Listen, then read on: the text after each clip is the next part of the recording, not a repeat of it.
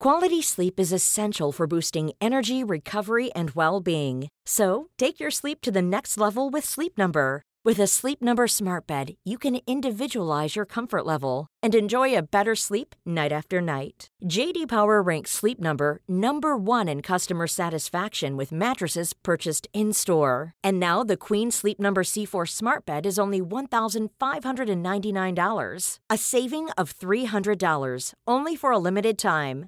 For JD Power 2023 award information, visit jdpower.com/awards. Only at Sleep Number stores or sleepnumber.com.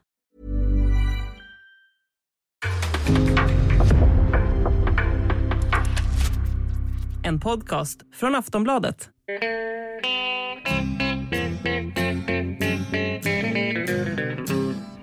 Hello out there, we're on the air. It's hockey night tonight. Tension grows, the whistle blows, and the puck goes down the ice. The goalie jumps and the players bump and the fans all go insane. Someone roars, Bobby scores at the good old hockey game. Oh, the good old hockey game is the best game you can name. And the best game you can name is the good Hallå, old hallå, hallå, hockey hallå, hallå, hallå, hallå, hallå, hallå, hallå. Ja, hallå i stugorna! Välkomna till eh, NHL-podcasten med Jonathan Jonis Ekeliv i. Stockholm, som vi hörde där, och jag då Per Bjurman i New York City. Just det. Vi ska ta och spela in vårt 369 avsnitt av denna podcast. 368. 368. Ja, precis. Ja, vi... Det var ju det jag sa. Var det det? Ja, du ser. nej, nej, jag Nej. sa nog fel. Ja, ja precis. Ja, jag, jag är noga med ordningen. Jag är den enda som bryr mig om det i alla fall. Jag har skrivit upp 368 här. Okej, på väg mot 400. 500. Och 1000. 500. Ja, mot 1000 ja. Vi ska upp i fyrsiffrigt här. Inget Ja. snack. Mm. Inget snack om det. Och mycket snack. Ja, ja det, det är för sig helt rätt. Ja, det här blev den stökigaste nästan starten på 368 avsnitt då. Men ja, vi är igång. Ja, my- mycket snack blir det. Det är inget snack om det. Helt rätt. Det är vår slogan. Mm. Det är faktiskt det. Ja, det där- där är satte vår nya slogan. Ja. Ja. Mycket snack, det är inget snack om det. Yes. eh, ja, eh, det har gått lite en vecka sedan vi hördes vid senare. En dryg vecka. eh, och då körde vi ju ett eh, trade-special efter deadline. Just det, precis. Det var ju bara två timmar efter deadline hade passerat och den här Dadonov Gate som uppstod sen hade inte riktigt... Ja, det fanns ju inga klarheter i den då. Eh, Så, Nej, just det. Men, ja, det var väldigt snabbt efter deadline i alla fall vi gjorde våra analyser den gången. Nu har det gått nästan en och en halv vecka sedan dess faktiskt. Och eh, Ja. vi har hunnit se hela gänget här egentligen spela i sina Ja. nya klubbar. Så vi ska ta en ordentlig titt eh, på, eh, på, de, på, de, eh, på slutspelslagen, de som vi tror är slutspelslag. Men vi ska börja i, i, i... Lite annat har ju också hunnit hända. Mm. Och framförallt så pågår, eller har precis avslutats, General Manager-möte, det årliga i, i Palm Beach, Florida. Ja, just det. Precis. Inte i Eh. Boca Raton. Boca Raton. Nej, men Boca Raton. Nej, men alltså nej. Nej. Att det ska vara så svårt! Ja, för jag satt, och, jag, satt och, jag satt faktiskt fem sekunder och tänkte, ska jag säga det här? För nej, jag behöver ju inte säga det när det var i Palm Beach. Men så tänkte jag att nu ska jag sätta uttalet. Men det, jag kommer aldrig göra det. Boca Raton. Och, och du hade inte behövt säga det eftersom det var i Palm Nej, Beach. nej, precis. Det är det som är så, gör det ännu dummare. Så jag, jag blir sur på mig själv. Jag håller nästan tyst nu i, i två minuter innan jag pratar igen. Nej, nej, nej, jag, får, nej. nej, jag ska skärpa till mig. Ja, en klunk vatten här. Ja, eh, och det har ju varit eh, som vanligt åtskilliga eh, ämnen på agendan där. Men eh, det som det har blivit mest prat om är ett förslag som tydligen Ken Holland Mm. eh, kom dit med. Och det är att han vill se någon form av eh, cap, lönecap, lönetak även i slutspelet. Eh, och tanken med det är ju då att han, ska, att han eh, och eventuellt några andra tycker att, eh, att man vill förhindra det här, ja, vad ska vi kalla det, lex, Ko- inte Kowalczyk utan eh, Kucherov. Kucherov. Ja. Lex Kucherov, att, att man eh, använder skador som en möjlighet att bygga eh, ett, ett lag och sen ha ett mycket bättre lag än vad man borde ha lagom till slutspelet. Problemet med det är ju att de har ingen lön i slutspelet, så det blir ju väldigt svårt. Nej, precis. Det är därför det inte finns något lönetak i slutspelet. Så det är egentligen ganska logiskt. Eh, Ja, Men Gary Bettman i sin tur slog ju ner det här lite grann och tyckte att äh, lönetaket har trots allt funnits sedan 2005 och, och den här möjligheten har i så fall funnits länge. Eh, det har bara hänt någon enstaka gång. Det blev aktualiserat med Kutjerov och det hände med Patrick Kane där 2015 med Chicago. Det är väl aktualiserat nu igen här med, med Vegas och Stone kanske, men eh, ja, att de skulle Ja, Colorado med lite grann med, med Gabriel. Ja, det är sant, ja precis. Så att, men, då... Och Florida med Aaron Ekblad eventuellt också. Ja, ja. men där, där påstår ju Gary Bettman och Bill Daly att eh, nej, de, eh, när det är skador som upphör kanske precis när slutspelet ska börja, eh, bara sådär helt plötsligt, så har de extra koll på det. det. Det, har än så länge inte skett några misstänksamheter. Det kan man ju tycka vad man vill om, men de, de påstår i alla fall inte att det är något större problem. Och det, de här diskussionerna om ett lönetak i slutspel verkar ju inte komma jättelångt trots att Ken Holland höll hårt i den här punkten på dagordningen. Men de, ska åtminstone, de la åtminstone inte ner det utan de ska fortsätta diskutera detta i sommar var väl det de kom fram till. Ja, ja. men som sagt, eh, det, det, låter eh, svårgenomförbart just med tanke på att eh, i slutspelet så finns det ingen lön. Alltså, de har lön under grundserien, de sex månader som grundserien pågår. Eh, och sen är det eventuella bonusar då, eh, inskrivna om de går si och så långt. Men eh, mm. det är ju därför slutspelet är en sån guldgruva för klubbarna. Ja. De säljer ja. ut hallarna för dyra biljettpriser och reklam och grejer och så behöver de inte betala någon lön. Nej, precis. Det är väldigt speciellt. Och det ja, Nej, så att, att komma, komma runt det skadeproblematiken, det kanske man får göra genom att ha någon sån här regel att du måste ha spelat ett visst antal matcher i grundserien för att spela slutspelet eller någonting. Men det blir lite konstigt också. Men eh, de måste ju helt enkelt diskutera fram någonting om de vill, tycker att det är ett så pass stort problem. Och på ett sätt kan jag ju tycka att det är lite skevt att som Tampa här nu senaste säsongen har ett, ligga på alltså 98 miljoner i budget när lönetaket är 81,5. Att ja. det är någonting som är lite märkligt då. Även om de då har utnyttjat systemet så att säga inom ramarna som reglementet gäller. Ja, ja jag, tror att det blir, jag tror att det inte kommer att gå. De får, hålla, de får hålla koll på enskilda fall helt enkelt. Ja, och som sagt, de verkar inte komma jättelångt den där diskussionen. Det var inte mycket konkret som kom fram tycker jag, mer än att de ska diskutera igen i sommar. Ja, han lät lite besviken kan hålla. ja, ja faktiskt. Ja. Ja. De har ju också då pratat om äh, förändringar vad gäller no trading list filings. Äh, just på grund av det du nämnde där med Daddy Dadonov. Ja. Äh, det vart ju, det var ju riktigt kaotiskt där med Vegas. Att han alltså hade en no trading list men det var ingen som kände till det. Nej, i och med att han skrev kontraktet med åtta var, var det väl i så fall de som hade koll på det. Men med Vegas påstod jag att de inte hade koll och Anaheim hade ingen koll. Och Anaheim var ju på hans no trade-lista så den här affären var ju inte genomförbar. Eh, utan hans godkännande och han ville ju uppenbarligen inte gå till Anaheim. Så trots att Central Registry, alltså NHL själva, hade godkänt affären så kom ju Dadonovs camp i efterhand och sa hallå, kolla på eh, den här listan som jag har lämnat in. Den skiter ni fullständigt i. Och då mm. fick NHL helt enkelt underkända affären. Eh, ganska långt ja, den efter att den blev klar. Ja. ja. Klantigt skött på, på flera håll, känns det som. Och, och man blir ju förbryllad över att det inte finns ett sånt centralt register där no trading-listor och den sorten eh, liksom, eh, finns registrerade. Ja, och det, det, är väl det som de till slut nu ska... Det verkar ju vara på gång redan nu att, att försöka samla ihop en sån databas då, så att de ska vara tillgängliga för Central Registry så att de kan sätta stopp i så fall. Eh, men så att klubbarna och spelarna själva också har koll naturligtvis. Ja, men det är väl också så att somliga vill hålla det hemligt vilka som är på deras lista för att det är känsligt. Precis, det är väl det som är anledningen till att det inte har funnits tidigare. Att, jag menar, så mycket läcker ut. De här insidersarna avslöjar ju de flesta tradesen i förtid. Innan klubbarna går ut med det. Så att då skulle ju mycket väl sådana här uh, no trade-listor kunna läcka också. Och det kan ju bli konstigt om någon, man, är, man har en klubb på sin no trade-lista och så två år senare andra förutsättningar och man kanske är free agent, så skriver man på för den här klubben och så vet alla att just den klubben fanns på din no trade-klausul tidigare. Mm. Och då, då kan det bli lite stelt. Mycket. Och, och det är ju så att det är eh, vissa klubbar som återkommer på alla, nästan alla de här listorna. Eh, och det har mycket med att göra det har inte bara med att göra att platserna är kalla som de är uppe i Kanada då, eller att klubbarna är dåliga. Det har med skattesaker att göra. Eh, Kalifornienlagen finns till exempel på många av de där listorna för att det är så höga skatter i Kalifornien. Medan det inte är någon skatt alls i Nevada då, där Dadonov spelar. Precis, och han har ju ekonomiska skäl, eh, inte minst till att tacka nej till Anaheim, för han blir av väldigt mycket pengar i skatt om han ja. låter det där hända. precis. Ja. Var det något annat som dök upp där tycker du? För vi kan ju bara nämna det att, att man trodde ju då kanske att han skulle bli stukad av det där och eh, känna sig ovälkommen i Vegas. Ja, det är konstigt men... att kliva in i omklädningsrummet igen när man har blivit eh, tradad ihop med ett andra runda val för att liksom Vegas ska bli av med dig. De vill ju bli ja. av med det där kontraktet. Mm.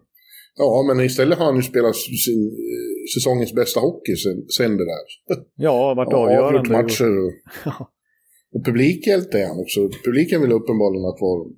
Ja, ja det, jag tycker på ett sätt kanske att Vegas fick igen lite grann för hur man har eh, varit lite giriga, giriga här sista åren efter att man kom in i ligan när det har gått så bra och man fått lite hybris och man ska ha allt. Man ska ja. ha Pacioretty och man ska ha Stone och man ska ha Pietrangelo och man ska ha Eichel den här säsongen. Och för att skapa löneutrymme så bara vips får Mark André Fleury veta att han är borta via Twitter och vips så är Dadono borta utan att de har kollat om han har någon trade-lista liksom. Ja. Mm. ja, de är verkligen eh, giriga. Ja, faktiskt. De är inte speciellt de, det... empatiska. Kelly, eh, Kelly McCrimmon, eh, hans rykte är lite tilltörnat. tilltörnat. Ja, det får man faktiskt säga så som han har betett sig. Tilltufsat. Till, tilltufsat, precis. Ja, det, det sista vi kan nämna från det där mötet är väl, det tycker jag att vi har pratat om några gånger här sista tiden, men nu liksom omnämns det i bekräftande ordalag kan man väl säga från Bettman och Daily att det blir World Cup 2024. Eh, var, när och hur fortsätter väl att vara lite oklart. Eh, vi får fortsätta att spekulera om New York eller Vegas eller, eller Chicago eller Buffalo eller vad som helst. ja. eh, Florida. Eh, eller Europa. Nej, det blir ju i, naturligtvis i, i Nordamerika. Men eh, det blir av 2024 vad det verkar som. Och med åtta landslag. Man, man skrotar Team North America och Team Europe. Ja, men sa man något om Ryssland? Tror jag inte att man kommenterade. Va? Nej. Nej, journalisterna här undviker det ämnet på ett konstigt sätt. Ja. Men som Nej. det är nu så kan inte... Nej, då kan jag absolut inte vara med. Då är det Nej. ett annat landslag som får kliva in. Ja, ja eh, i övrigt, ja det var ju lite, det var ju, eh, hade lite sorgkant också det där mötet. För en som skulle ha dykt upp eh, gick ju tyvärr bort i början av veckan här. Eh, ja. Eh, Eugene eh, Melnick, Ottawa Senators till och från kontroversiella ägare, gick ju bort efter en tids sjukdom, bara 62 år gammal. Ja. Det var ju, eh, det kom som en liten chock. Alltså, vi visste att han hade haft hälsoproblem, men inte att det var så här allvarligt nu. Nej, det verkar ha varit eh, oväntat för många, även folk eh, betydligt närmare honom så att säga. Ja. Han var ju nära döden faktiskt redan 2015. Eh, ja, han gjorde en levertransplantation. Precis, och det var ju i samband med den här legendariska, får man säga, eh, Hamburglar eh. Alltså när, när ja. hämtade upp 14 poäng och gick till slutspel. Men det var ju samtidigt då som sagt som Melnick bara var ja, det, han räddades ju av en supporter som donerade en lever. Mm. Ja, med texten att eh, bring us a Stanley Cup. Och så överlevde han. Ja. ja, men nu har han då checkat ut och det är, det är väldigt tråkigt. Han, vi har inte sagt bara snälla saker om honom i den här podden. Eller någon, överhuvudtaget har han ju varit om, omdebatterad. Ja, egentligen under en lång tid där. Inte minst senaste åren skulle man väl säga. Det kulminerade ju för några år sedan när han hotade med att eh, flytta klubben. Eh, för att eh, nej, om det inte kommer fler folk till matcherna och ni ska fortsätta att gnälla och hålla på så här, då kan jag lika... Det är jag som äger så jag har ju rätt att flytta klubben, så då gör jag det. Mm. Mm. Ja, men nu ska vi inte prata illa om, om de döda. Nej, precis. Utan bara konstatera att det är, är tråkigt. Så, så vitt jag förstår blir klubben kvar i familjens ägo. Eh, som det ofta blir när, när patriarkerna går bort. Det är lika i Detroit och i så vidare. Ja, han har ju två döttrar då som har varit och praktiserat lite inom organisationen senaste mm. åren som bara är så här, mellan 20 och 30 någonstans. Men det, eh, det är ju tanken är att de två ska ta över, vad jag förstår. Ja. ja. Eh, men vi kan ju säga också i positiva ordalag om Melnick, för det var en väldigt emotionell person så att han kan liksom, det var ju ofta svart eller vitt. Men han, han var liksom, det här var ju sista tiden av hans liv onekligen, men hans sista stora statement var ju att den ukrainska nationalsången ska spelas i Ottawa resten av säsongen eftersom att han har ukrainskt påbrå och är väldigt berörd av händelseutvecklingen i sitt Ukraina. Mm. Eh, Och han har ju, vad har det kommit fram eh, nu att han har donerat enormt mycket pengar under många år till ukrainska barnhem här, till exempel och varit och besökt där flera gånger. Erik Karlsson berättade att han skickade blommor till, till honom när han fick barn trots att han har ju lämnat för San Jose sedan länge. Ja. Så att, eh, Ja, ja nej, det, var, ett, eh, det var tråkigt. ja, oväntat verkligen. Ja. Jaha. Har du något mer på du vill ta upp innan vi går in på och titta på veckans huvudtema här? Ja, nej men jag tycker vi kan kliva in på, den, på, vi kan kliva in på de lagen nu för att eh, då kanske vi kommer in på lite nyheter oavsett. Så att, eh, Ja. vi, vi kör väl en titt. ja, vi tar det i öst då. Det är ju väldigt länge har varit ganska klart vilka åtta lag som kommer att uppträda i slutspelet. Det känns som det har varit klart ända sedan i julas. Ja, faktiskt. Helt ospännande och speciellt när Boston, de hade ju ganska många färre matcher spelade ett tag och därför såg det skenbart jämnt ut ner till Detroit till exempel. Mm. Eh, Men nu, nu är det ju tvärtom. Nu är det så att de hotar Toronto och Tampa ordentligt istället. Ja, precis. Eh, Men det, det, man kan ju bara nämna det där att det, det är ju lite tråkigt att det blir så. Det var ju för att det skulle bli sån jämnhet i ligan som lönetaket en gång påstods eh, införas. Eh, men det har ju blivit tvärtom. Det är ingen parity här. Vi har, vi har liksom åtta lag som är klara, åtta lag som är borta. Ja, i alla fall i, i, år i den här, i den här eh, konferensen har det blivit så. Annars tycker Ja. jag väl att vi har pratat om de senaste åren att det känns som att lönetaket har liksom eh, fått, ut, vad ska man säga, fått ut det man, man vill av det. Att det har blivit en jämnare och jämnare liga och svårare och svårare att vinna Stanley Cup av den anledningen för att det är så jämnt. Men eh, ja, i öst får man säga att det är två enormt tydliga block. Ja, det är det. Eh, och vi, jag vet inte, ska vi ta dem i bokstavsordning eller ska vi ta dem nerifrån? Eller vad ska vi göra? Jonte? Ja, Ska vi ta dem i tabell, eh, hur det li- ligger till tabellmässigt i respektive divisioner? Ja, då börjar vi i Atlantic då. Eh, och där är ju Florida, eh, har ryckt lite i toppen. Eh, med sex poäng före eh, Tampa nu då. Ja, Och eh, Florida, ja, jag vet inte om du läste, jag skrev en krönika om Florida. Ja, just det. I print här, eh, häromdagen där du tokhyllade dem och sa att eh, nu är NHL visserligen oförutsägbart, men de borde vinna Stanley Cup. Ja, ja, borde gå till final i alla fall. Ja, ja. Det måste du nästan hålla med om. ja alltså... Ja. ja, men offensivt sett i alla fall så är de ju ett powerhouse av historiska mått. Jag var inne på det förra veckan när vi pratade om Claude Giroux-traden, men det är bara värt att upprepa igen. Alltså, för, ja, sen dess så har de ju slagit sitt franchise-rekord i antal mål under en säsong och då är det 15 matcher kvar. Ja, Eh, Och jag nämnde då förra veckan också att de alltså nu skjuter nästan, ja, nästan 37 skott per match. Och det är den högsta noteringen sedan 1984 i NHL. Att ett lag Jaha. skjuter så mycket skott per match. Så att det är liksom, ni hör ju. men det ser man med blotta ögat också. Det, det, det är ju fru, det är fruktansvärd eh, blitz när de kommer till anfall. Det är Ja. jävlar vad det smäller. Ja, och det, det säger ju Claude Giroux är anledningen till att han ville dit. Han, eh, han eh, hade ju andra intressanta val som Colorado till exempel. Men anledningen till att det blev Florida var ju hans eget val. Ja, Eh, för att han sa ju att äh, de, de spelar så rolig hockey och får jag, sitter jag och zappar på tvn och, och, och det är hockeymatcher på, då stannar jag alltid upp om det är Florida, för det är, det är kul. Liksom. ja. Ja, jag, jag- jag citerade ju Anton Forsberg där i, de hade ju mött Ottawa, kommit tillbaka från underläge. Eh, och han sa att när man spelar mot Florida så har man inte tid att tänka på någonting. Nej. Det är bara, det är bara smäller hela tiden.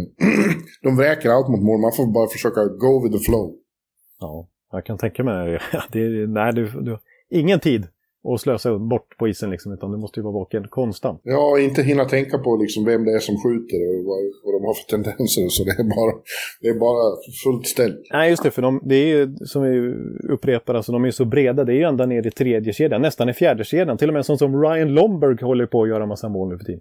Ja, Eh, och den där tredje kedjan med Reinhardt i spetsen är ju också riktigt vass och skulle kunna vara i princip första kedja i något annat lag.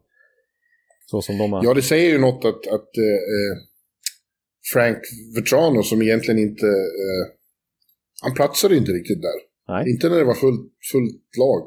Nej. Han går rakt in i första kedjan i Rangers och spelar Ja. med Mika och Chris Kreider. Precis, det var lite under radarn trade att, att eh, Rangers plockade in en Florida, en petad Florida-spelare till sin första kedja. Liksom. Ja. Och gör det jättebra. Nej, men, Det är ju bara att titta på forwardsuppställningen. Det är ju, det är fruktansvärt. I synnerhet som det har blivit så här som vi har varit inne på några gånger. Att, att spelare som kommer dit blir förlösta. De har haft svårt att och, och liksom, eh, komma upp i sin fulla potential i andra lag. Sådana som eh, Sam Bennett, Sam, Sam Reinhardt och, och nu även får man ju beskriva Anthony Duclair. Så. Ja, precis. Och, och Carter, Carter Verhage som var eh, småpetad i Tampa dessförinnan lyckades inte ta en plats riktigt. Ja, The Duke, som du pratade om, Duclair. Nej, precis. Så för några år sedan hade man ju, eller bara för något, år, något enstaka år sedan hade man inte pratat om de här spelarna som storstjärnor på något sätt. Utan det är mm. ju att de har ramats in i det här kollektivet som lyfter varandra på något sätt. Eh, och att Bill Daly, eller Bill Daly, vad säger jag? Bill Zito, mm. general manager där, har ett otroligt öga för att eh, hitta talang. Ja, han hittar de där eh, diamanterna ute i ruffen. Ja, nej. men sen kan man ju nämna också att när de har gjort, gjort så fruktansvärt mycket mål, alltså överlägset mest i NHL, 16 fler än, än tvåan Colorado. Och jag får ju tyvärr konstatera 51 fler än rivalen i, i, i delstaten Tampa Bay som annars brukar toppa målligan senaste åren. 51 eh, fler mål av, av Panthers. Eh, så släpper de in väldigt mycket mål också. De har släppt in exakt lika mycket mål som Vancouver och LA Kings. Jag ska mm. inte säga väldigt mycket mål, för de är ju på övre halvan positivt sett vad gäller insläppta mål. Men de vinner ju sina matcher med 6-3, 7-4 och sådär. Eh, så vi får se hur det translates till slutspelet, om de kan liksom score their way, their way out of trouble, som man brukar säga. Eh, eller om de tätar till det då, liksom, även defensivt. Jag tycker ändå de har en väldigt bra backuppställning med. Så, I synnerhet när Ekblad kommer ut förmodligen tillbaka till slutspelet och deras egen Victor Hedman. Ja. Eh, nu har de Ben, ben Chirot. Mm. Chirot. Mm. Eh, och Mackenzie Wieger är väldigt bra och Gustav Forsling är bra. Ja, och så uppenbarligen Bill Zito identifierat Robert Hägg som en spelare att satsa på också. Ja. Så att uh, han har ju, ja, han, ja, han kanske petar Brandon Montour där när alla är skadefria, vi får se. Ja, och eh, däremot har väl målvaktssidan varit frågetecken, men jag tycker att eh, det ser ut som Bobrovski, oj, förlåt. Eh, eh, tack, eh, har eh, hittat sig själv igen. Blivit sig själv. Ja, det får man verkligen säga. Han, nu, nu ser det ju mer eller mindre, mindre ut som den gamle gode Bobrovski och så har de ju Spencer Knight som kanske inte eh, lever ut till sin fulla potential än så länge, men det är ju en, en, en eh, stark backup mål i. Ja. Så att, ja, det, är, det, det, är svårt att hitta svagheter i Florida Panthers. Det är, bara det är verkligen det. Uh. Och vi hoppas väl, just nu blir det inte så då, men att, att det kan bli ett möte mellan dem och ett Florida-derby igen. Det vore ju underbart. Mm. Och Tampa är ju, ja de ligger ju tvåa nu då i, i, i divisionen eh, före Toronto. Mm. Eh, och de, det verkar som de har kommit, de var inne i en ganska besvärlig eh, svacka här större delen av mars. Men nu på, i sista veckan känns det som de har tagit sig ur den. Börjar vinna igen. Ja, de har tre raka segrar nu i alla fall och de slog eh, Carolina eh, härom natten på hemmaplan, vilket ju var viktigt för dem att känna att slå ett, eh, kunna slå ett sånt topplag efter att förlorat nu många toppmöten. Ja. Ehm, och då tyckte jag att PP kom igång igen och, och därigenom även sådana som Stamkos och Kutjov och Point som jag tycker varit lite bleka här i mars. Eh, Stamkos hade ju åtta matcher i rad utan mål till exempel. Mm. Eh, och Kutjov tycker jag inte har öst in poäng på samma sätt som han har vant sig vid de senaste åren. Men eh, nej, det var i alla fall en, en positiv insats och Sen måste vi nämna Victor Hedman då som har slagit personligt målrekord. Han gjorde ju sitt 18 det var det väl mot Islanders och så gjorde han då målet mot Keynes också är på 19 mål. Nästan 20 mål nu. Mm. Eh, han är faktiskt on pace för då om man räknar snittet hittills den här säsongen. Om man håller det resterande del av säsongen. Då kommer han upp i 24 mål och det skulle vara svenskt målrekord för backen. Då skulle han slå Oliver Ekman Larssons notering på 23 för 5-6 år Ja, mycket bra. Mm. Eh, den stora frågan, tar ju lite tid när man, när man eh, gör värvningar. Så det är svårt att säga om Brandon Hagel och Nick Paul tillsammans med Ross Colton har hunnit, eh, hunnit ta form som en lika bra tredje kedja som den omtalade eh, Identity-kedjan. Men nog ser det lovande ut, Jonte. Ja, det ser bättre och bättre ut får man faktiskt konstatera match för match här. Men det är klart, de är inte uppe i, i i den, deras föregångares nivå än. Men eh, jag påpekade för dig något sms här för några dagar sedan att Eh, Blake Coleman, han var ju en flopp eh, under grundserien fram till att coronapandemin kom. Han hann spela nio matcher un under den korta tiden och gjorde 0 plus 1 och såg ganska bortkommen ut. Så mm. att, det, det, kan ju ta en stund för de här spelarna att, att hitta sin plats så att säga. Ja. Så att vi ska inte döma ut dem än, men, men eh, rätt så lovande ser det ut. Ja. Toronto har vi då på tredje plats. De eh, tampas med eh, Boston framförallt då om den där tredje plats. Ja, Tampa är indragna. Nej, Tampa också. De var faktiskt förbi ja. Tampa när de slog Tampa i Hampus Lindholms debut. Så det har gått och blivit så tokjämnt mellan de här tre lagen om eh, platserna. Ja, inte Hampus debut. De vann, Boston vann Hampus debut. Ja, eh, vad sa jag egentligen? Jag menar att Hampus, Hampus vann sin debut med, Boston, med Boston mot Tampa och då gick Boston förbi Tampa. Så just, just, just så var det. Så. Ja, eh, eh, det ser ut som att det blir, kommer att vara ett slagsmål om den där tredje platsen. Eller om de, två, andra, tredje och första eh, wildcard-platsen mellan de där tre. Ja. Eh, så är det.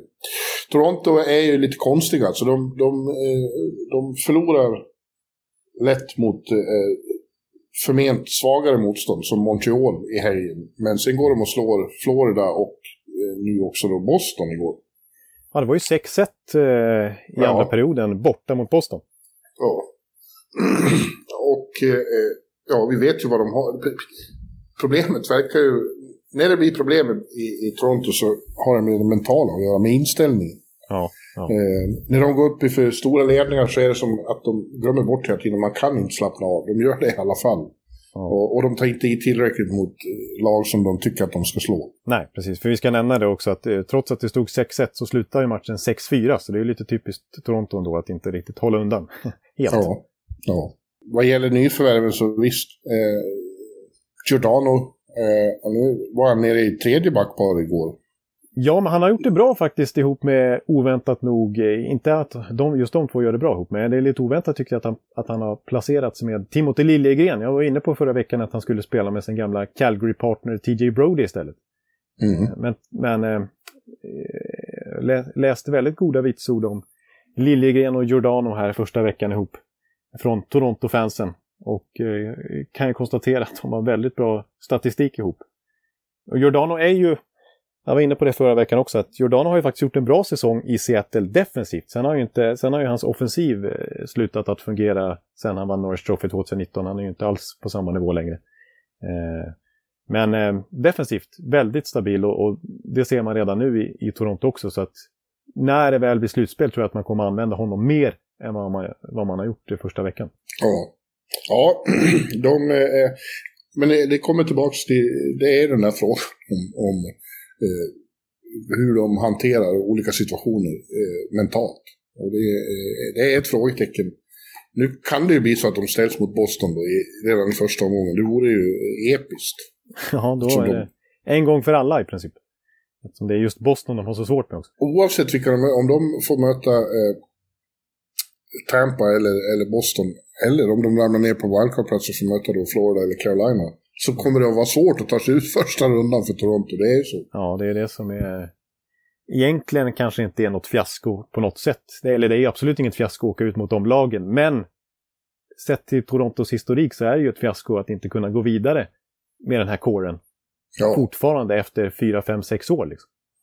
Så, de, ja, jag menar, nej, så att Dubas, det, hans jobb is on the line. Ja, det är det. Ja.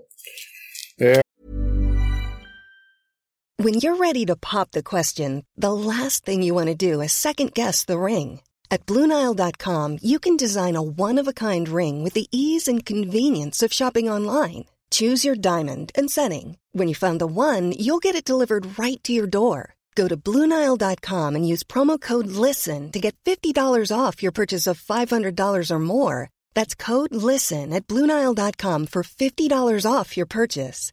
Bluenile.com code LISTEN. Äh, Boston då som vi nämnde där, eh, det har gått, eh, ja, det var väl en missräkning igår då med den här förlusten. Eh, men det började väldigt bra med, med Hampus Lindholm mot Tampa där. Ja, då såg de riktigt stabila ut, Boston. Och jag fortsätter att, att snacka om hur starka de har varit efter årsskiftet. Alltså, de har tagit mest poäng av, mer poäng än Florida faktiskt. Fem poäng mer än Florida som är tvåa av östlagen under det här året. Mm. Eh, det är ju otroligt imponerande. Eh, och ja, ja men det, de har, det börjar bli lite swagger tycker jag. Kring Boston och man, de tror på det. Sen blir, var det ju liksom, jag trodde vi skulle sitta och berömma dem ganska ordentligt i den här podden nu. Men ja, så såg vi matchen här mot Toronto och då är det svårt att... men uppenbarligen kan de göra snedsteg också. Ja. Ja, men det ser bra ut. Och jag, jag tycker vi har ju tjatat, eller, eh, vi och alla andra, om att det ser tunt ut på centerpositionen bakom Bergeron. Mm. Eh, att Erik Haula inte riktigt känns som eh, den man vill ha där. Men han har varit riktigt bra. Eh, däremot Tampa var han utmärkt. Jo, han, han, det, det, ska han ha. Han har varit bra och den kedjan har ju satt sig lite får man säga där med, med Taylor Hall och David Pasternak istället för att de kör The Perfection Line. För att Bergeron har ju varit lite borta här en, en, en tid fram och tillbaks. Eh, och då har ju Hall, Haula och Pasternak blivit en riktigt stark kedja. Eh, men eh, ja, jag känner väl ändå, trots allt, att eh, om de ska gå långt, de kanske kan vinna en runda, men ska de gå långt i slutspel som är deras ambition, att gå hela vägen till och med, så tycker jag att fortfarande att jag saknar lite djup i, i forwardsuppställningen överlag. Mm. Men eh, deras backsida har ju blivit bättre i ett slag bara genom att eh, peta Ja, in. Hampus Lindholm. För det, det backparet är ju otroligt bra, det ser man ju. Ja, det är inget snack om det. Nej, det kommer att bli, eh, det kommer att bli fruktansvärt svårt att tippa, tippa de här serierna. Ja, jag ska, jag ska nämna det om, det är egentligen orättvist att, att prata i sådana här ordalag efter bara tre matcher som Ham- Hampus Lindholm har hunnit spela, men ändå, jag måste bara nämna expected goals-siffran för backparet McEvoy Lindholm på tre matcher. 80 procent. Mm. Så att, eh, totalt överlägsna när de är på isen. Ja. Eh, vi har då sen eh, Metropolitan. Och där är det eh, Carolina Hurricanes som på precis samma sätt som Florida har ryckt i toppen och ser ut att vinna, vinna divisionen. Och det är ju ingen förvånad över. För det är ett, eh, ett otroligt bra lag. Det har, det har varit lite tjurigt för dem till och från här i mars. Att de har spelat fruktansvärt bra och ändå inte vunnit. Till exempel mot Rangers hemma som de var otroligt dominanta och ändå fick stryk. Ja. Ja.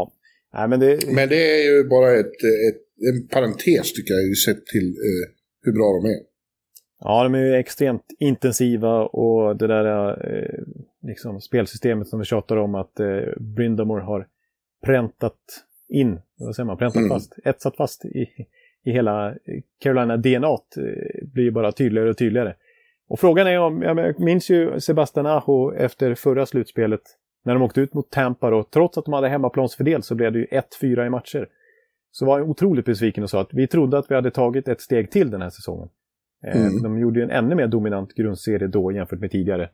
Eh, och så hade de inte det, så att liksom nästa år, säsong måste vi ta ett steg till. Och sett till grundserien så kanske de är ytterligare lite vassare till och med nu. Men det är ju verkligen det slutspelet det gäller, att det är där de ska liksom kunna slå ut de riktigt tunga lagen.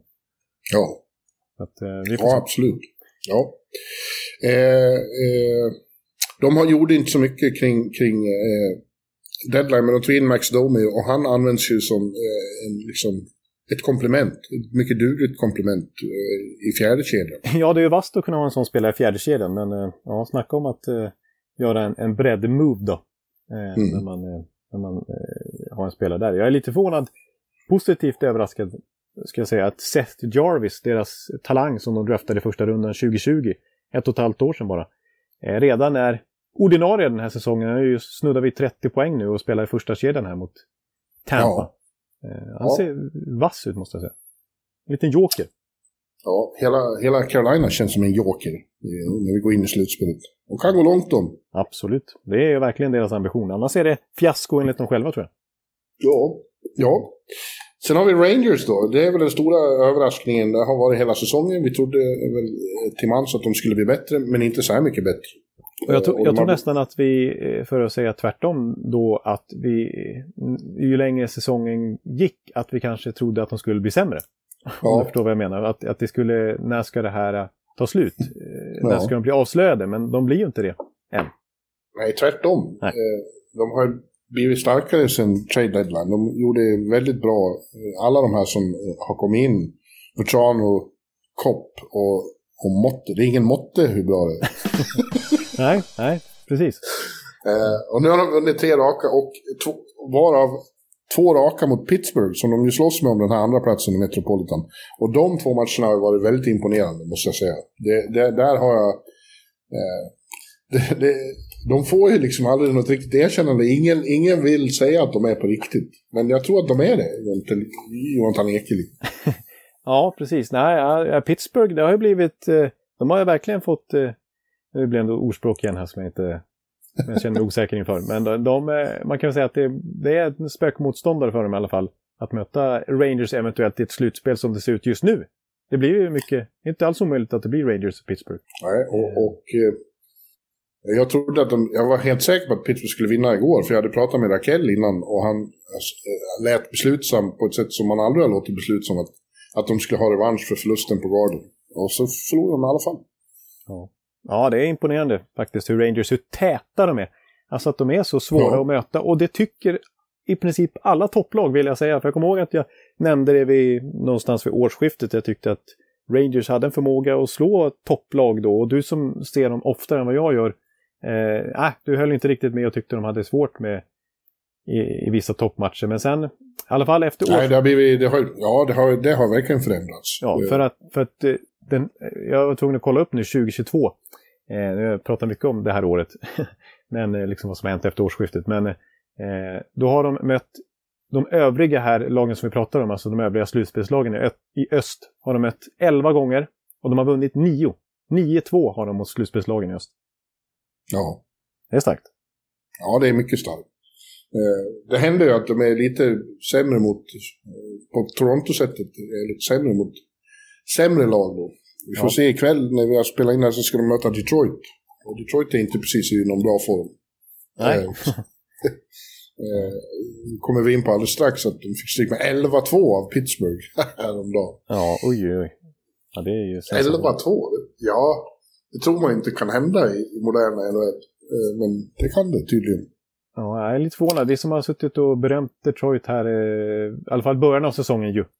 Och, och nu eh, liksom fallerar det ganska ofta där. Vi kommer ihåg den här 7-10 matchen också för ett par veckor mm. sedan mot Toronto. Det, det, ja, de släpper in rätt mycket mål nu får man säga. Det, det, är bara Montreal som släpper in fler, men snart är nog Detroit förbi i den här takten. Ja. ja, men om vi går, tittar på Pittsburgh då, så ja, det är ju ett, ett potent lag och det, och det ser intressant ut med, med Rakell. Han har nu börjat spela med Malkin och Brian Rust. Och sa ju själv att det var underbart. Det var, bara, det var som att, de kan allting, det är bara att sätta sig på tåget och åka med, som man uttryckte. Mm. Jag tycker han ser pigg ut, Raquel. Det har inte jättelossnat för honom poängmässigt. Han, har ju, han står ju i alla fall på 1 plus 2 hittills. Men eh, ja, det var, det var ju den där Detroit-matchen. Ja. ja. han gjorde alla de poängen. I övrigt har han, har han inte gjort någon poäng än, men jag tycker ändå han ser pigg ut. Och liksom, man ser att det är en liten nytändning, även om han, han gjorde en, en rätt så stark säsong även när han är innan traden så känns det som att han att man ser att det spritter lite i honom när han är ute på isen. Ja, det hörs när man pratar med honom också. Han är, han är väldigt eh, positiv. Eh, han är väldigt glad över att hamna i det här laget. Ja, ja det förstår jag. Ja. ja. Nej, jag tror att de, de, det vet vi ju, att de, får de bara till det eh, med målvakter och så, så är, kan de vi också räkna med. Det är svårt att se dem utslagna redan i första rundan. Ja. Men det, ja, det är oro, oroväckande tendenser här. De måste försöka lösa det här Rangers-problemet. För att det är mycket som talar för att de möts redan i första rundan. Och där ja. har ju Rangers verkligen momentum just nu. Ja. De enda som skulle kunna eh, förhindra den, den matchupen är väl Washington då som eh, står på... Ja, de är ju sex poäng efter Pittsburgh och de såg inget bra ut häromkvällen när de fick stryk av Carolina. 1-6. Eh, ja, och, och, ja, jag vet inte. De, de är ju vad de är. De är ett eh, lite ålderstiget lag. Alltså de har ju fortfarande högsta nivån i sig. Ja. Eh, så att eh, de kan ju slå alla lag naturligtvis. Men de kan också förlora mot alla lag och de kan förlora. Eh, och det kan bli sådana här 1-6-smällar mot Carolina uppenbarligen. De, de, är lite ojämna, lite opålitliga faktiskt. Ja, de är det. Visst, Vår vän Hudson envisas med att hävda att de är en dark horse inför slutspelet. Det kan man väl i och för sig säga att de är, men eh, det känns inte jätte... Eh, jag har ingen jättestor tillit till Nej, det har Om de ska gå upp mot Florida eller Carolina i första omgången. Nej, det, nej det, där känns de numret mindre. Mm. Eh, måste jag ändå säga i nuläget. Eh, sen har eh, Vitek Vanesek tycker jag har rätat ut målvaktsfrågetecknen där lite grann. Eh, Det känns tryggare med honom mellan stolparna nu än vad det gjorde med Samsonov när han var tydligare första val. Eh, Men eh, ja, det var ju han som stod till exempel mot Carolina här 1-6, Vanesek. Så att, Ja, ja, ja, ja. Mina tve, tveksamheter kvarstår lite grann och, och hålla i handen under en lång slutspelsrun, det har jag svårt att se. nej, för det är ju otrolig konkurrens. De måste alltså ta sig förbi alla de här lagen som vi har pratat om för att ta sig till final här i öst. Eh, och jag, då, jag ser dem, trots, allt, trots att de är ett bra lag, så ser jag dem som åtta i ordningen här, precis som de ligger i tabellen. Ja. Ja. Ja, och som sagt, några andra lag i öst kommer inte att hinna kapp. Columbus är, är, är så... Ja, vad- vad blir det? 15 poäng efter närmast. Ja, det är, ju det är inte dramatiskt. Av, nej, det är en avgrund av poäng emellan. Det, det, dröjer, det kanske bara dröjer någon vecka innan vi börjar se X och sånt där på... Ja, Montreal är väl nästan, eh, är nästan där.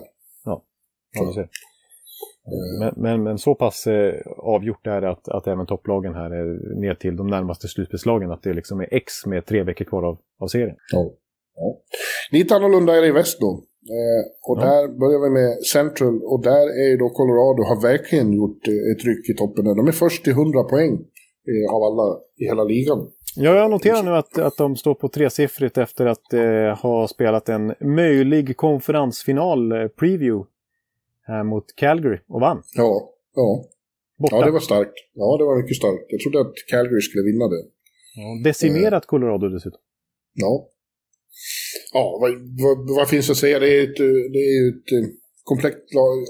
Om, om allting var logiskt så skulle det vara de och Florida i final.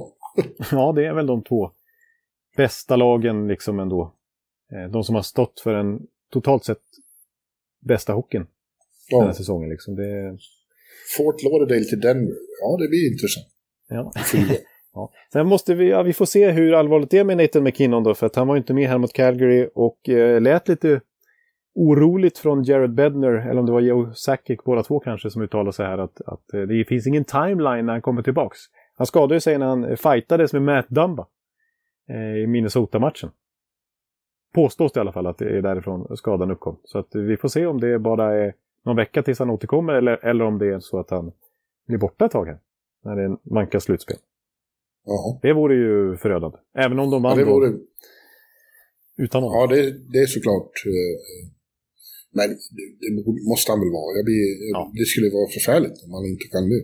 Nej, nej, men det, det, alltså, han har ju faktiskt missat ganska många matcher den här säsongen trots allt. Och ändå är Colorado så bra. Alltså, det är man får återigen eh, lyfta på hatten till, åt till exempel Nathan Kadri som har gått och blivit någon slags superstjärna den här säsongen. Ja. Och och Gab- Gabriel är ju borta då fram till han är ju- slutet. Ja, precis, han är, ju- han är ju också borta. Ja, det är imponerande. Ja, alltså Eh. får de tillbaks alltihopa, inklusive Landeskog när slutspelet börjar, så är de ju så, så otroligt vassa. Och vi kan ju inte heller nu rikta några tveksamheter kring eh, målvaktssidan, för jag tycker Darcy Kemper är, och även Franchose, att det, det ser bra ut. Ja. ja, det gör det. Det säger något att de, alltså de leder ju Central med 14 poängs marginal. Ja. Eh, ner till Minnesota då på, på andra platsen. Det är en stark division, och ändå är det Ja. 14 poäng.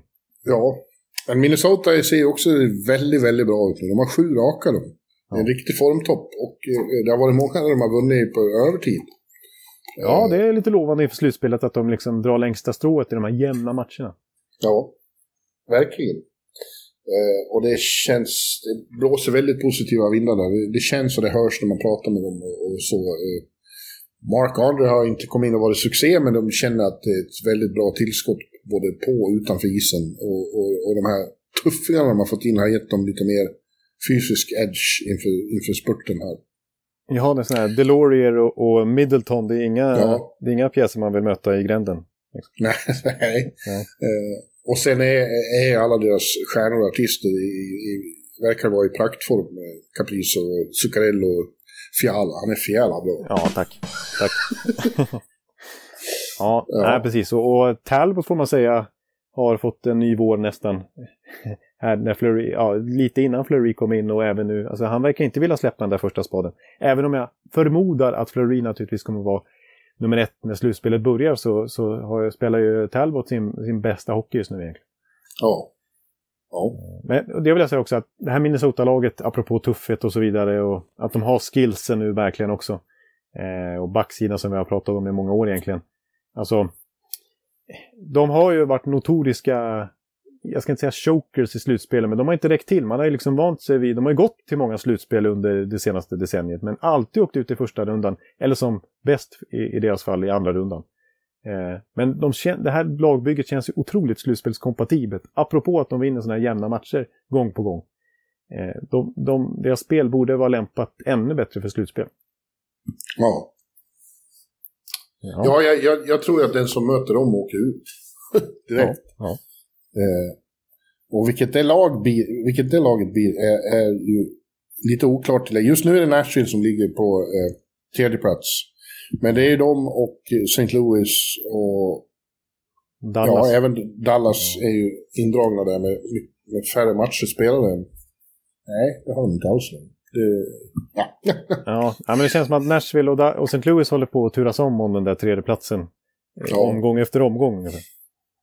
Ja.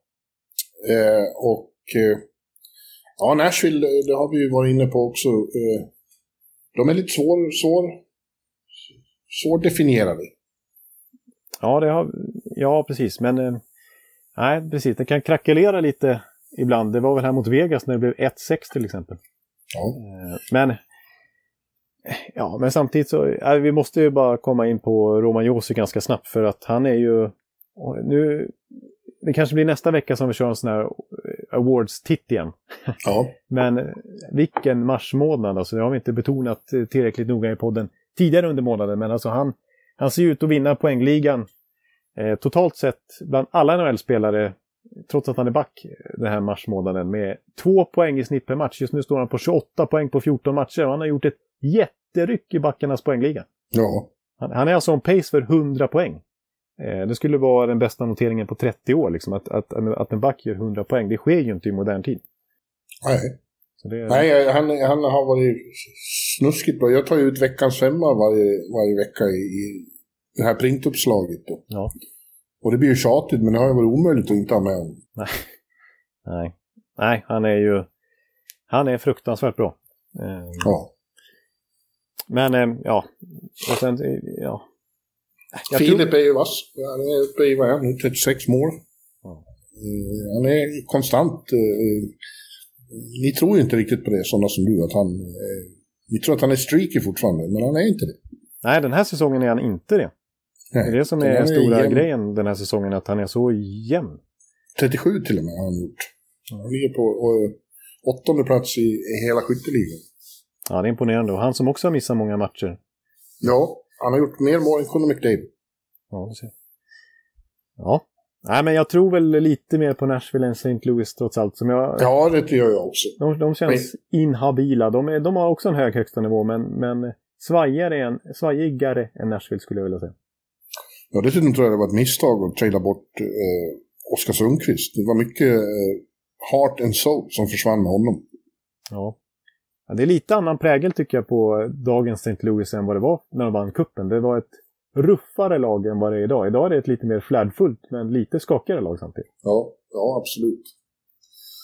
Ja, och så Dallas då som eh, eh, i nuläget håller Vegas utanför slutspelet och har ju tre matcher färre spelade så det ser lite eh, jobbigt ut för, för Vegas på det sättet. Ja, och tittar man på schemat som väntar Dallas nu så tror jag att de kan rycka ytterligare faktiskt. Tyvärr för Vegas del, men, men positivt för Dallas-fansen naturligtvis. Alltså för att nu har de väldigt många lag mot avhängda, väldigt många matcher mot avhängda lag. Och det, sånt kan ju de förlora ändå, jag menar det ser vi ju gång på gång. Men nu, de vann ju mot Anaheim här om natten och nu har de Anaheim igen i nästa match. Sen är det San Jose, sen är det Kraken, sen är det Islanders, sen är det New Jersey och sen är det Chicago. Ja. Det, det, är Toronto någon gång däremellan också, men det är väldigt många matcher här närmaste tiden mot avhängda lag som de i praktiken då skulle kunna plocka väldigt mycket poäng. Ja, det känns som att Vegas skulle snarare inrikta sig på att komma ikapp Edmonton på tredje plats i Pacific. Där. Ja, jag tycker Dallas känns vassare. Mm. Ja, just nu gör de absolut det. Eh, John Klingberg har börjat spela riktigt bra hockey sen, sen han fick mer klarhet i att han blir kvar i alla fall den här säsongen. Ja, det måste varit någon slags mental, eh, eh, inte spärr, men vad man ska kalla det, lättnad i alla fall. Eh, att Ja. ha framtid, den närmaste framtiden säkrad. Ja. Ja. ja. Eh, Pacific då, där har vi också ett lag som har ryckt och det är då Calgary Flames. De är på 88 poäng, eh, sju före tvåan. Eh, och eh, ja, de har ju varit en riktigt, riktigt eh, lyckad säsong för Calgary och de ser... Ja, nu fick de ju stryk mot Colorado igår, men jag tycker att de har sett... Eh, de har imponerat rakt igenom. Eh, Ja. eh, på slutet. De har en fantastisk målvakt, de har en grym första kedja med Elias Lindholm och en Johnny Gaudreau som kanske spelar sitt livshockey. Ja, han spelar definitivt sin li- livshockey. Alltså det var helt otroligt tycker jag den här matchen mot Edmonton som slutade 9-5. Ja, eh, Battle of Alberta, det var en underbar match se. Ja, precis. Men alltså Gaudreau gjorde ju nästan vad han ville. Jag nästan, det är sällan man... Ja, det är klart, det finns andra artister i den här ligan som, som, som eh, bjuder på det ena och det andra. Men alltså som han sneklade runt i zonen och gjorde vad han ville och passningar och... Ja, han gjorde fem assist. Ja, Han styrde och ställde precis som han ville. Det var ändå, Ja. det var ändå sådana som McDavid och Dreisaitl på isen också eh, som han hade kunnat lägga märke till. Och de var ju jättebra den matchen också, men, men Gaudreau var nummer ett ja, jag frågade Elias efter den matchen om han har sett Gaudreau bättre. Han sa visserligen hade han 99 poäng för Elias första år, men, men han kände att han är, han är mer jämn nu. Han är ett hot varje gång han är inne på isen. Det, det enda jag kanske saknar då, även om jag tycker det är otroligt imponerande, så jag, jag tycker ju att Rasmus Andersson är en jättebra back och jag har vurmat för honom i många år. Och jag har ju tagit ut honom i Tre Kronor-trupper och sånt där, vilket jag har fått kritik för tidigare. Men det tror jag inte så många längre eh, inte håller med om. Eh, om Rasmus. Rasmus. Ralle. Ralle, ja precis. Men eh, det kanske trots allt saknar jämfört med de absolut största contenderserna som, som konkurrerar är en riktig liksom, sån offensiv quarterback eh, ändå. Ja. En, en Norris-kandidat liksom. Eh, Det är det enda som kanske jag saknar i det här annars helt kompletta Daryl Sutter-formade laget. Ja. Ja. Eh, men, men eh, ja, det känns som deras försvar är mer by committee än enskilda stjärnor. Men Det håller jag med om. det, det ser bra ut och de har en så bra coach. Alltså, eh, Daryl Sutter har ju överbevisat oss eh, för länge sedan. Eh, och, Ja. och gå in med honom i slutspel känns mycket bättre än att gå in med de coacher de har haft tidigare. Precis. Han har ju hyfsad erfarenhet från, Ja, från slutspel. Tvåan i Pacific tycker jag är lite, eh, de har segrat lite under radarn och, inte fått så mycket uppmärksamhet och rubriker. Det är Los Angeles Kings som gör det riktigt bra och ligger kvar där och har legat där bra länge nu. Mm. Och vad är Los Angeles Kings styrka, Jonathan Ekeliv? Ja, men jag tycker de, ja, men de har ju också en duktig coach i Todd McLellan. Ja, verkligen. Eh, och de känns också ganska jämna. Så redan förra året så såg man att de hade bra underliggande siffror, liksom att de verkligen var med i matcherna. Eh, men eh, nu har de lite mer spets i år. Eh, och, jag tycker det, det är ju naturligtvis väldigt starkt med ramstarkt liksom med one-two punch i Kopitar och Dano. Ni- Nödvändigtvis inte liksom offensivt, men åtminstone defensivt. Och även Ja. offensivt, men de är, det är ju väldigt svårt att, att göra mål på ett lag som har Kopitar och Dano inne på isen 80% av matcherna. Ja. Eh, ja, det är många som... Adrian Kempe, han har ju fördubblat sitt personbästa i mål. Ja, han här kommer ju nå säsongen. 30 mål den här säsongen.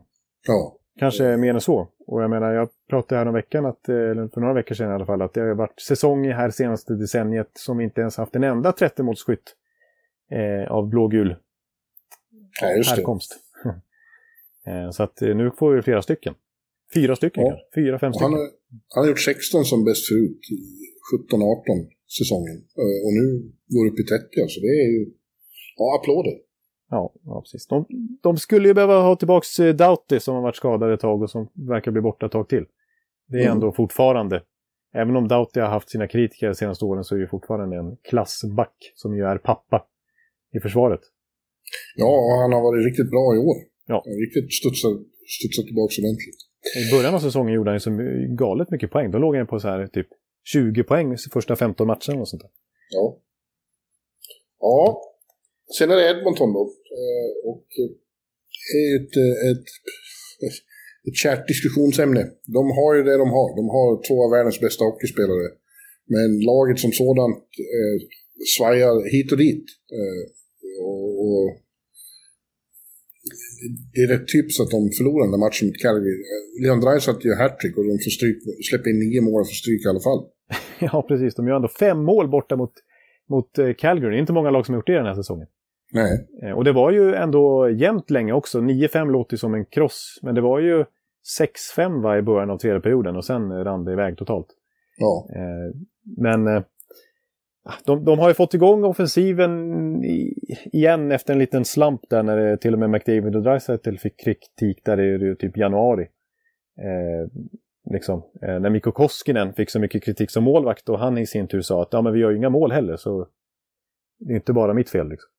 Eh, men nu gör de ju, de gör ju så jättemycket mål i match efter match och Evander Kane har ju kommit in och gjort 15 mål på två månader. Och Zach Hyman har kommit igång igen och Nugent Hopkins och Kaylor Yamamoto till och med. Mm. Eh, men, ehm, och faktiskt ska vi säga McDavid och Dreisaitl som börjat rycka iväg lite i poängligan igen efter att Jonathan Huber då var förbi en stund till exempel. Eh, nu är det ju en marginal ner igen. Men eh, de kan ju inte score their way out of troubles. De kan göra det i vissa matcher, men när de möter ett Calgary, då blir det nio mål i Häcken. Liksom. Ja, ja. Ja, det är, jag skulle vara orolig inför slutspelet om jag var Edmonton-fan. Det får jag säga. Ja, med tanke, på, alltså, ja, med tanke på vad som har hänt egentligen alla slutspel de varit med i, men, men förra året när, det, när de blev avklädda av Winnipeg. Liksom. Ja. Eh, att de ska ha något att göra i det här slutspelet eh, så som det sett ut den här säsongen. Efter det haveriet har man svårt att tro. Verkligen. Ja, så är det Vegas då, men de är utanför slutspel nu och det, det ser inget, det ser inget lovande ut eftersom de har spelat 68 matcher och konkurrenterna de slåss med har spelat färre. Eh, Ja. eh, både Dallas och St. Louis på wildcard framför dem har alltså tre matcher färre spelade. Och som du sa, Dallas har ett, ett gynnsamt eh, spelschema framöver. Ja. Så att eh, det, det skulle vara säsongens fiasko om Vegas missar slutspel.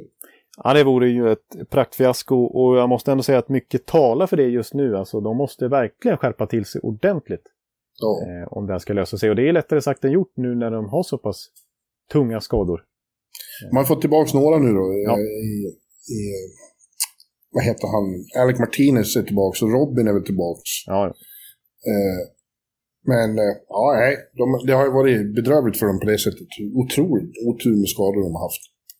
ja. Men de har också satsat så hårt så att det, det, det blir liksom ingen ursäkt när man har spenderat så mycket. Nej, precis. Och lite utifrån hur de har betett sig så känns det lite halvkarma också. Men, eh, Ja. Ja. men eh, ja, och då är det ju dumstruten på, på mig, Monumentale. Om, om Vegas missar slutspel. För att då, blir alltså både, då är det alltså så, i så fall att båda mina finallag missar slutspel. Det kan, alltså så dåligt kan ju inte någon ha tippat, höll jag på att säga. Sen Mats Wennerholm tippade Carolina som sist i NHL när de vann Stanley Cup 2006. Ja, du, du, du, du sa att det skulle bli Islanders Vegas alltså. Ja, Det är humor. Ja.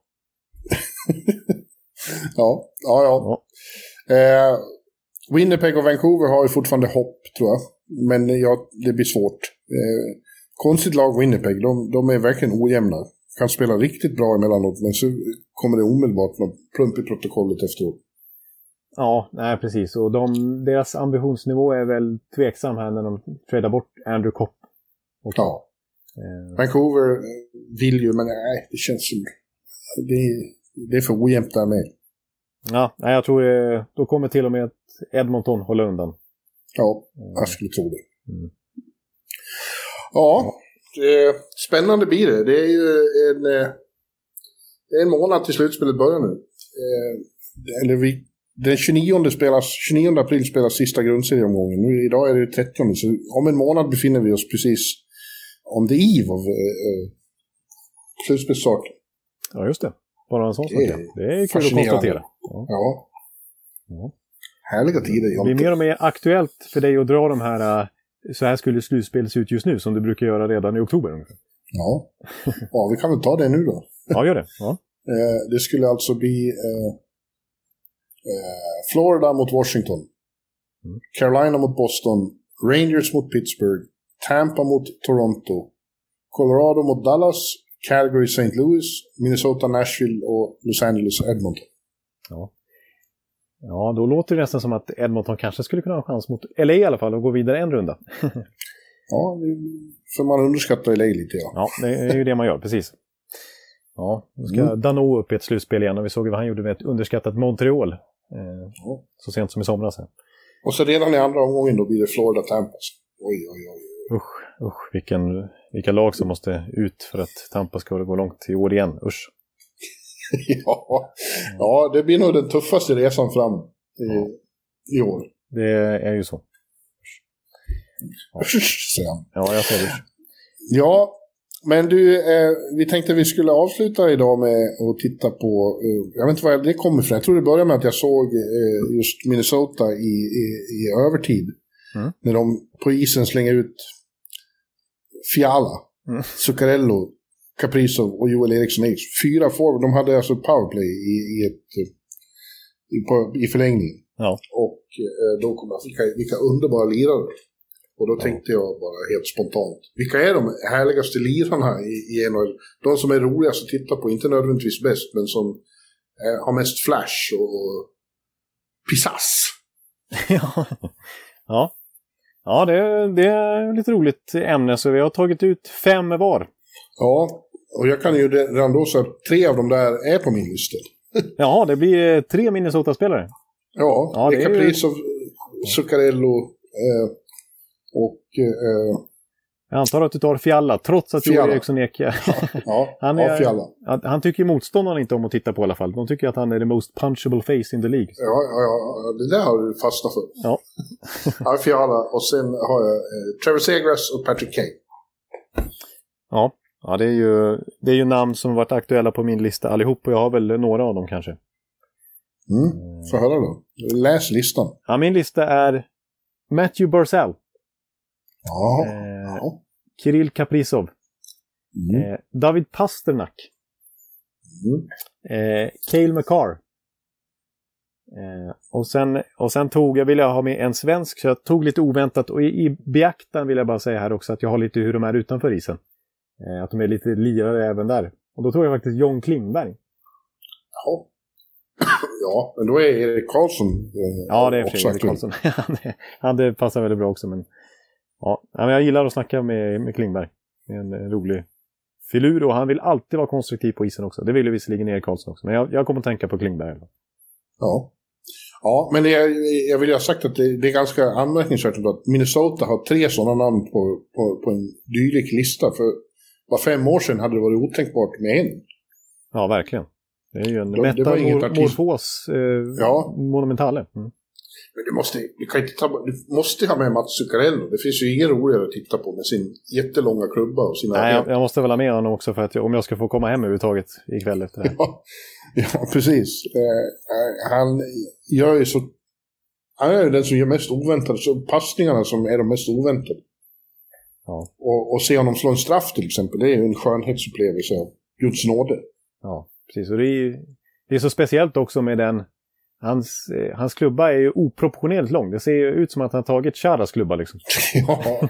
och ändå ja, har han det... sån enorm teknik. Det är uppenbarligen någon hemlighet i det där att, som, som gör att han, han har sån kontroll. Men det är ja, Barkov var ju också en väldigt... Kör också med en lång klubba liksom. Det, det är något ja. uppenbarligen. Ja. Men du, eh, jag varit lite paff över Matt Bersal. Ja, han är, väl, han är väl en bra lirare, men står han ut i ett så pass som ska ja, det, det, tycker jag. Han brukar... Och det här kanske... Men det här, jag har ju sett honom extremt mycket senaste åren, inte minst i slutspel. När Tampa har gått upp mot Islanders. Så han är ju... Han är, alltså, han är ju... Han, han har ju så mycket hockey i sig. Men för mycket för sitt eget bästa, höll jag på att säga. För att han... Han är ju år efter år, eh, om man kollar statistiskt så brukar det vara han och Patrick Kane som har mest puckinnehav i offensiv zon. Så han har otroligt mycket puck. Men han är dålig på att släppa den i rätt lägen. Tillräckligt ofta. Det är mycket Gretzky liksom eh, är det varv runt i offensiv zon. Eh, jag tycker han är rolig att titta på. Men han, han är fortfarande bara en säsong av fem där han har varit point per game. Eh, så att, nej, det skulle behöva hända mer. Men jag tycker rent visuellt att han är rolig att titta på, underhållande. Jag kommer ihåg lite cheesy så skrev jag faktiskt i vår NHL-bibeltext när vi rankar de 50 bästa spelarna inför säsongen. Eh, Mm. eh, det här får jag nästan, det här är nästan pinsamt, eller ska jag säga, det här är ingen, ingen enorm lyrik precis, men jag skrev att eh, är det Ingmar Stenmark som tar igen två sekunder i andra åket det kanske ska gå det? Nej, det är Matthew Barzell som åker slalom mellan motståndarbackarna på Long Island. Ja. Men, eh, men han är ju väldigt snitsig skulle jag vilja säga. Då. Ja, ja. ja du, får väl, du får väl eh, ha honom då. Ja. men eh, Kirill the Trill är i alla fall given. Ja. Jag har inte så många kommentarer kring det här, Jonathan. Nej, nej. Jag, bara, jag bara drog de här härliga artisterna. Titta på dem. Ja, ja precis. Ja, ja, då, om jag ska ha en kommentar till så vill jag nämna då Cale McCarr. Eh, som jag tycker är en fascinerande back. För att han är som en forward. Ja, Han har liksom den explosiviteten som typ ingen annan back har. Han är ju som en Nathan McKinnon fast back. Han borde vara forward. Men han är back. ja, Det, det, ja. eh, han gör ju så otroligt mycket mål. 24 mål den här säsongen. Det som jag pratade om att Hedman kanske kommer upp med om han håller samma snitt. McCarr ligger där redan nu och har ändå missat 5, 6 eller kanske till och med 10 matcher han har missat totalt den här säsongen. Eh, nej, det är en, och samtidigt det här med, man brukar prata om att dansa, på, dansa längs med blålinjen. Och är det någon som dansar längs med blålinjen så är det väl Cale McCarr. ja jag, jag kommer att tänka på det här otroliga målet han gjorde. Eller, eh, Ja, just det. ja, när, när han tvärbromsade plötsligt och de föll som käglor omkring honom. Det kanske var årets snyggaste mål. Ja. Var det mot eh, Fleury och Chicago där? Ja, det var det nog. Just det. Ja, nej, så att han, han är given topp fem. Men sen, sen är det naturligtvis, jag pratar om Johnny Gaudreau i den här formen så är han med där också skulle jag vilja säga. Och både McDavid och Dreisaitl är, är ju liksom inte helt ounderhållande att titta på heller. Eh, Ja. Kutjerov gillar jag också, det är ju en sann artist. Ja, absolut. Ja, det finns ju gott om. Men eh, eh, en särskild eh, uppsättning eh, eh, showmen i Minnesota. Ja, det håller jag med om. Sen, jag har ett namn till jag måste na- namedroppa här också. som visserligen ger en kanonsäsong i år och vi har pratat mycket om honom. Men som jag tycker också är... Ja, jag tycker Jonathan Huberdeau är, är, kan liksom ta över matcher också. Fast han är inte artist på det sättet. Han är inte på Trevor Segras viset. Nej, nej, nej, alltså, nej precis. Seagrass, ja, eh, precis, det är ju sant. Det, temat här var ju artist, liksom. Ja, inte bra. Nej, utan mer liksom bara, bara för nästan, nästan för artisteriets skull nästan. Ja, Där- där är och ju det är Sig- ute efter. Ja, och där är ju Seagrass... Eh, han har ju bara på några månader i NHL eh, etsat sig fast topp 5. Ja. Ja, Oh. Ja. ja, vi kanske nöjer oss där då. ja, nu vart det lite, nu vart det tomt i huvudet. Det vart som eh, sån här eh, paussignal i tv. Jaha, okej. Ja, ja då, då, då kanske det är dags att, att stänga av tvn då. Jag var ute, jag var ju ute igår. Eh, gjorde, det hände bara någon gång per säsong att jag gick ut med kompisar och såg eh, ja, Ulrika i en, en, klassiker i Spåret. Just det. Ja. Vi såg hockey på en bar. Ja. Drack, drack öl helt enkelt. ja, det låter ju Det var trevligt. trevligt. Ja, just det. det är, du är inte van att bevittna NHL från den eh, synvinkeln. Nej, När du inte måste hem och rapportera sen. Liksom. nej, jag ser hockey nykter. Ja. Ja, allmänhet. precis. Ja. Men eh, ja, det var väl det. Ja. Det var mycket trevligt. Ja, ja. Men det, det, det, det, har fått sina konsekvenser idag. Om man säger så. ja, men jag tycker du har klarat av den här podden bra i alla fall. Ja, då, det är ingen större fara. Men eh, nu kan du få vila lite igen. Eh, stänga Ja, av tack. huvudet. Eh, och så eh, hörs vi igen om en vecka. Ja, med, med eh, sista awards innan det är på riktigt. Ja, just det, precis. Det, det hintar vi om och det, så blir det ju naturligtvis. Så att, eh, Mm. det kan ni se fram emot. Yes, då tackar vi för den här veckan och säger hej då, hej då. Hej, hej! Hallå, hallå, hallå. Hallå, hallå, hallå. Alex Chiazot, Joe Luis Arena och Esposito. Esposito. Uttalsproblem, men vi tjötar ändå. Och alla kan vara lugna, inspelningsknappen är på. Bjuder Hanna Kohl, han är grym i sin roll. Från Kållesoffan har han fullständig kontroll på det som händer och sker. Det blir ju allt fler som rattar in hans blogg. Och lyssna på hans podd. One, two, times speed, so Hallå, hallå, hallå. One, two, times speed, so Hallå, hallå, hallå. Ekeliv, som är ung och har driv. Verkar stor och stark och känns allmänt massiv. Han hejar på Tampa och älskar Hedman. Sjunger som Sinatra. Ja, och det ser man. Nu är det dags för refräng. Dags för magi, Victor Norén. Du är ett geni. Så stand up at home and remove your hats. Höj volym, för nu är det plats. One, two, three, speed, so Hallå, hallå, hallå. One, two, three, speed, so Hallå, hallå, hallå. One, two, three, speed, so Hallå, hallå, hallå. One, two, three, speed, so Hallå, hallå, hallå.